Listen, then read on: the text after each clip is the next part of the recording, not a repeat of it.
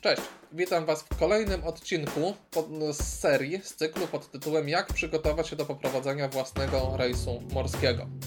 Do tej pory omówiliśmy sobie kilka ważnych kwestii, czyli po pierwsze, co zabrać oprócz podstawowych rzeczy na, na rejs, jak teoretycznie przygotować się do takiego rejsu, jak praktycznie przejąć ten jacht. I ten odcinek był, ten punkt był podzielony na dwa odcinki. I na tym sobie poprzednio skończyliśmy. Dzisiaj chciałbym poopowiadać o tym, jakie zakupy przedrejsowe zrobić, żeby nic nas nie zaskoczyło podczas takiego rejsu. Przypomnę, że te punkty, o których opowiadam, cała lista tych punktów dostępna jest dla Was po zapisaniu się do newslettera na stronie powachciepodmasztem.pl tudzież pwpm.pl. To jest ta sama, linki są przekierowane na siebie nawzajem. Zapiszcie się do newslettera, dostaniecie na maila w formie PDF dokument, w którym będzie właśnie każdy punkt, o którym sobie tutaj rozmawiamy. Zaczynam. Zakupy przedrejsowe. Ważna jest to kwestia, ponieważ może się zdarzyć i czasami się zdarza i nieraz się zdarza, że po prostu w ferworze walki przyjechaliśmy na ten jacht, fajnie jest, chcemy już ruszać, chcemy płynąć, załoga podekscytowana, jedziemy na szybko do tego sklepu, kupujemy na szybko co tam nam wpadnie w rękę i potem dopiero się okazuje, że czegoś zapomnieliśmy, coś pominęliśmy. Dlatego bardzo ważne, żeby sobie zrobić wcześniej listę takich rzeczy niezbędnych. Ja nie mówię, żeby wyszczególniać, jakie smaki zupek chińskich chcemy mieć na tym pokładzie, ale że w ogóle takie zupki chińskie na przykład mieć chcemy. Albo że konkretne artykuły są na tyle istotne, żeby o nich po prostu nie zapomnieć. Niektóre rzeczy mogą się powielić, bo mogą zostać po poprzednich załogach na, z, na jachcie, ale to nic. Lepiej mieć tego za dużo niż za mało. Ok. Pierwsza kwestia. E, podzieliłem te zakupy przedrejsowe na dwie takie kategorie: na wyżywienie i na chemię. Póki co zajmiemy się kwestiami wyży, wyży, wyżywienia, tudzież żywieniowymi. Kisiele. No, wbrew pozorom jest to nieodłączny element wyposażenia kambuza na każdym jachcie. Kisiel ma niepodważalne zalety dwie. Po pierwsze, jak wraca podczas choroby morskiej, to smakuje w miarę podobnie do tego, jak wchodzi w pierwszą stronę. Po drugie, jak już wraca, to nie wybija zębów, bo jest po prostu rzadki. Dlatego kisiele są bardzo lubiane przez załogantów, szczególnie chorujących na chorobę morską. A oprócz tego kisiele są e, fajne, bo zajmują mało miejsca, są rozgrzewające, są energetyczne, także naprawdę bardzo fajny zakup, ten, bardzo fajnym zakupem ten kisiel jest. Kisiele warto mieć w różnych smakach, tak żeby każdemu dogodzić. Na pewno na rejsie zostaną wykorzystane. A propos choroby morskiej, odsyłam swego czasu do e, nagrałem podcast na ten temat, możecie sobie na ten temat posłuchać, między innymi jakiego rodzaju hafty mamy, z jakimi możemy się spotkać. Polecam, znajdziecie na stronie pwpm.pl. Oprócz kisieli, gorące kubki. Świetna rzecz, jeśli chodzi o kwestie rozgrzewające. Na przykład na taką wachtę psią w nocy, kiedy jest zimno, zmarznięci jesteśmy, wiatr wieje, deszcz pada, chcemy się w jakikolwiek sposób dogrzać, chociażby od środka, to wysyłamy jednego delegata, który nam takie, taką wodę zagotuje i gorący kubek zrobi. Robi się łatwo, szybko, przyjemnie, a daje naprawdę bardzo fajnego takiego kopa energetycznego, fajnie nas dogrzewa wewnętrznie. No i oprócz tego jest w miarę treściwy. Tutaj wracając do tej choroby morskiej, zawsze to trochę w żołądku zostanie, zawsze do tej treści będziemy mieli. Kolejna kwestia, pieczywo. Z pieczywem świeżym jest ta kwestia, że ono za bardzo nie chce się nam trzymać. Poleży 2-3 dni, no i już może być problem, może zacząć pleśnieć, szczególnie, że na jachcie jest nieustanna wilgoć. Dlatego otwarte chleby, otwarte bułki, no trzeba pochłaniać jak najszybciej, no bo będzie potem kwestia tego, że są po prostu nie do zjedzenia, są do, niestety do wyrzucenia. Bardzo fajnym yy, wynalazkiem są chleby baltonowskie. One są naprawdę dobrze pakowane i one naprawdę długo się trzymają. Także takie chleby baltonowskie można kupić praktycznie w większości marketów, ale mają właśnie te właściwości, że są trwałe na chleb, chleby baltonowskie bardzo mocno polecam. W smaku też są fajne, co w porządku jak najbardziej. Warto się w takie chleby zaopatrzyć. Co więcej, jeśli chodzi o mięcho, o jakąś wałówę, którą chcemy sobie mm, podczas tego rejsu spożywać, bardzo mocno polecam pakowane mięso próżniowo. Ma ono tę potężną zaletę, że jest po pierwsze poporcjowane na takie porcje, jakie my sobie zdefiniujemy podczas zakupu, a po drugie jest zdecydowanie bardziej trwałe a po trzecie zajmuje mniej mie miejsca niż na przykład jakaś tam yy, nie wiem, nawet reklamówka z tym miejscem. Dlaczego? Dlatego, że odciągnięte powietrze powoduje, że to próżniowo pakowane mięso jest skompresowane do jak najmniejszych możliwych rozmiarów. Dlatego zmieści się go więcej w lodówce i dużo dłużej nam poleży. Jeśli na przykład nie mamy lodówki na jachcie, nasz jacht nie jest w lodówkę wyposażony, to jak najbardziej polecam y, właśnie pakowanie próżniowe. Jeśli nie mamy lodówki, najlepiej, żeby takie rzeczy, które potrzebują maksymalnego chłodu leżały sobie pod gratingami, nawet w zęzie tak naprawdę. Na to pozwolą nam właśnie pakowane próżniowo mięsa, ponieważ no, woda się do środka nie dostanie. Pomimo tego, że one będą z wierzchu może w jakiś sposób zęzą oblewane, zęza nigdy nie jest przyjemna, ale mimo wszystko nie dostanie się ta zęza do środka. Także mamy bardzo wiele możliwości dzięki temu, że próżniowo mięsko zostało zapakowane. Kolejna rzecz, pasteryzowane słoiki z jakimiś przetworami. Bardzo mocno polecam. Swego czasu, będąc z żoną w podróży poślubnej w Norwegii dwutygodniowej, zapakowaliśmy sobie do auta właśnie próżniowo pakowane takie mięso jak do e, spaghetti dosłownie. Jedliśmy to z makaronem, z ziemniakami, pod różną postacią. Było ono w słoikach. Te słoiki zostały zapasteryzowane. Dwa tygodnie wytrzymało nam bez najmniejszego problemu. Ważna jest sama forma pasteryzacji. Jakbyście mieli ochotę o tym dokładnie mm, e, poczytać, posłuchać, to mm, odezwijcie się, ja Wam podam e, linki, tudzież informacje, w jaki sposób to robić.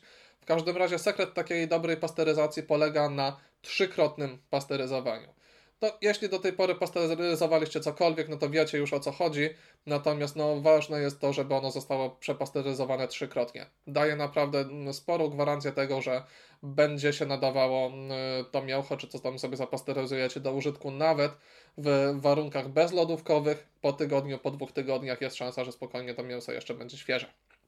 Także zachęcam do zabrania ze sobą po prostu z domu już kilku takich słoików, bo to jest fantastyczne, jeśli chodzi o przygotowanie posiłku w trakcie rejsu. Nie kroimy żadnego mięsa, nie bawimy się z jakimiś warzywami na fali, gdzie jeszcze pierwsze dni, powiedzmy, gdzie część załogi już choroba, e, chorobę ma za sobą, ale druga część załogi jeszcze się czuje niepewnie więc no, zapachy z takiej kuchni mogą powodować no, nawrót choroby.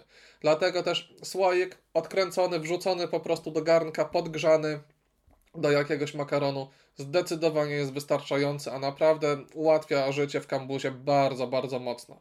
I tutaj też uwaga, możecie to proponować swoim załogantem, że mm, i powiedzieć wprost, że słuchajcie, możemy kupować miocha, możemy kupować wszystko, co na co tylko macie ochotę, bo to przecież są wasze pieniądze, co my do tego kambuza wrzucimy i jakie my zakupy zrobimy. Oczywiście w tej puli, którą przewidzieliście na przykład na wyżywienie, tudzież która obejmuje, którą obejmuje składka jachtowa, ale wiąże się to z tym, że to wszystko trzeba jakoś przygotować i zrobić. Nie zawsze będzie taki komfort, że będziemy sobie stali w porcie w momencie, kiedy będziemy potrzebowali zrobić jakiś posiłek. Jeśli przyjdzie nam przygotowywać posiłek w trakcie przelotu na fali w sztormie na przykład, no to tak, na, na takim rodeo czasami może być ciekawie. Dlatego polecam zachęcić ludzi do tego, żeby zrobili właśnie tego typu przetwory. Jeśli każdy weźmie po 3-4 słoiki ze sobą z załogi, to już macie 2-3 obiady praktycznie z głowy. Polecam, zachęcam.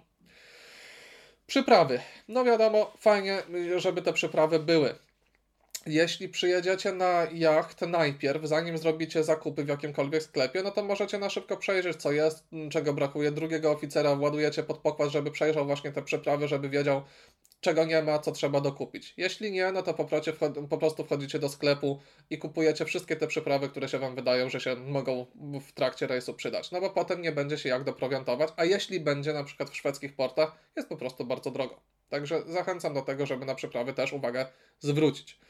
Przyprawy tutaj mam na myśli również cukier, cukier, sól, tego typu bardzo podstawowe rzeczy, no bo czasami o zwykłym cukrze możemy zapomnieć.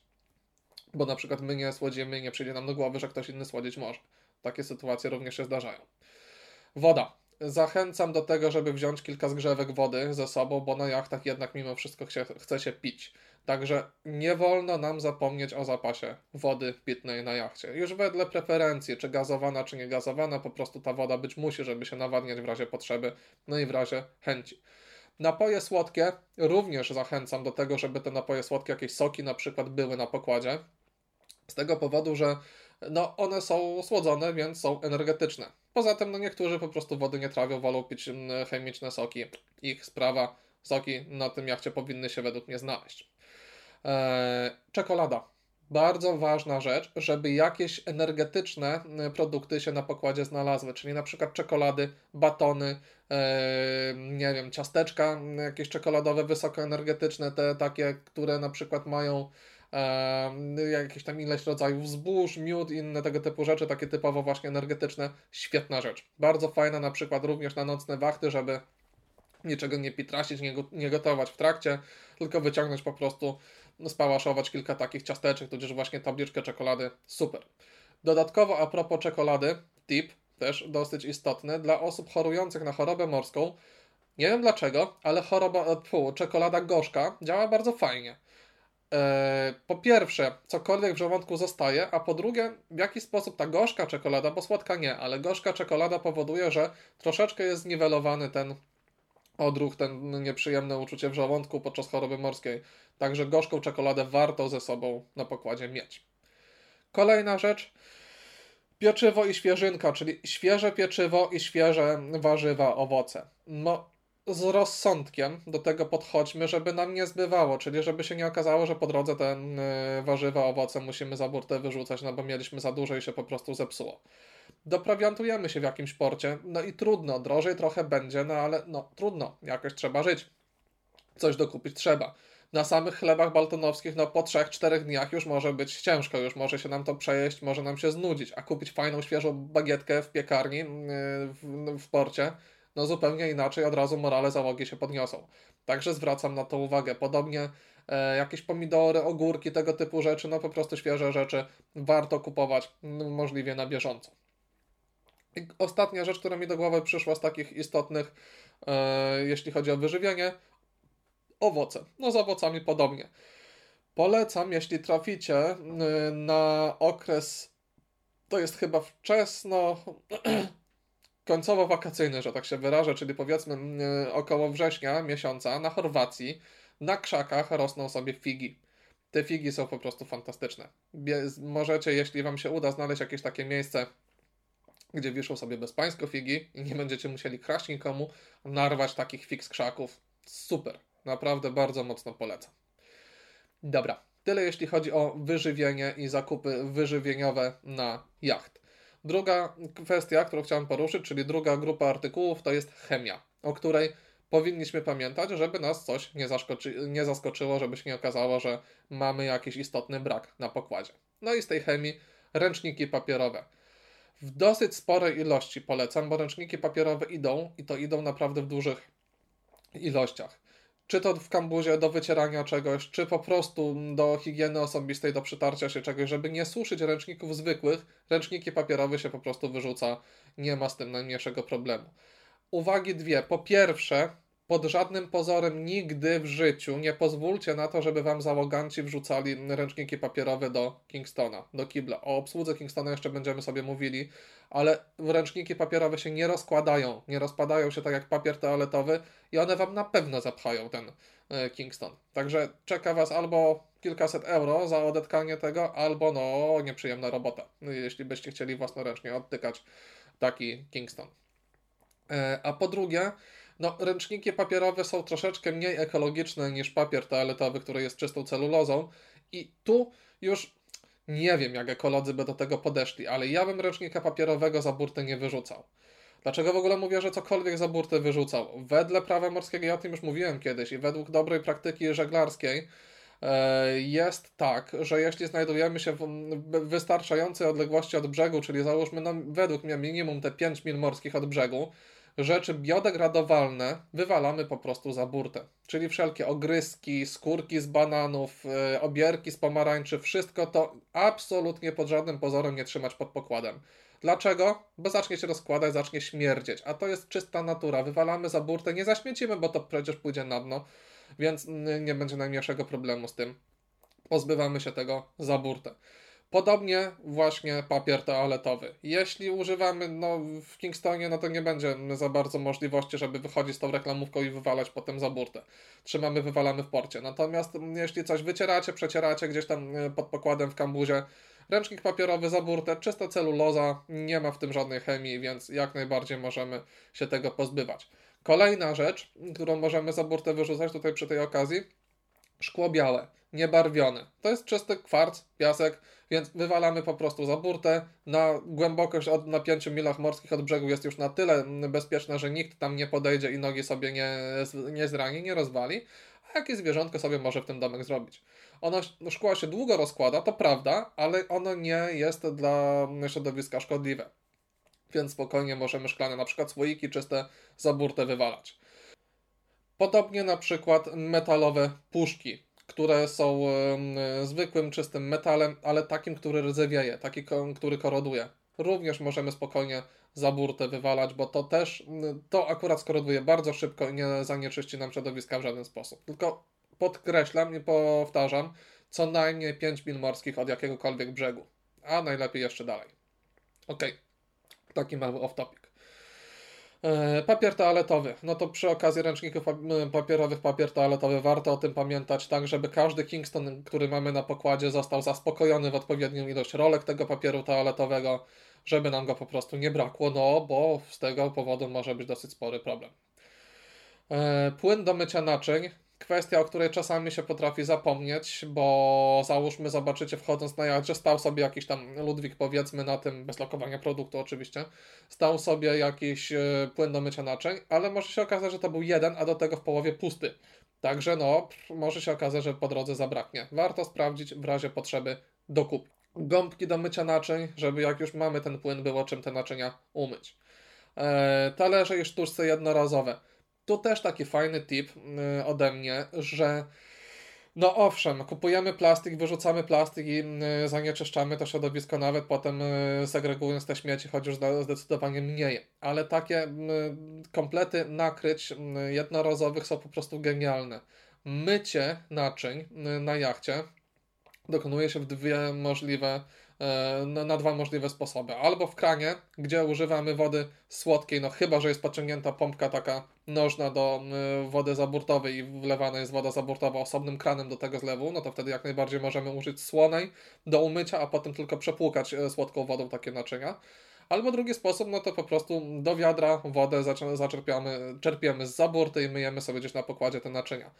Tak czy siak nie jest to wygodne, zajmuje dużo czasu i albo marnujemy wodę słodką, no albo mamy ryzyko niedomycia, e, zostawienia wody słonej na tym i tak dalej, i tak dalej. Dlatego mega wygodne jest po prostu po skończonym posiłku wywalić jednorazowe naczynia, jednorazowe sztuczce do śmieci.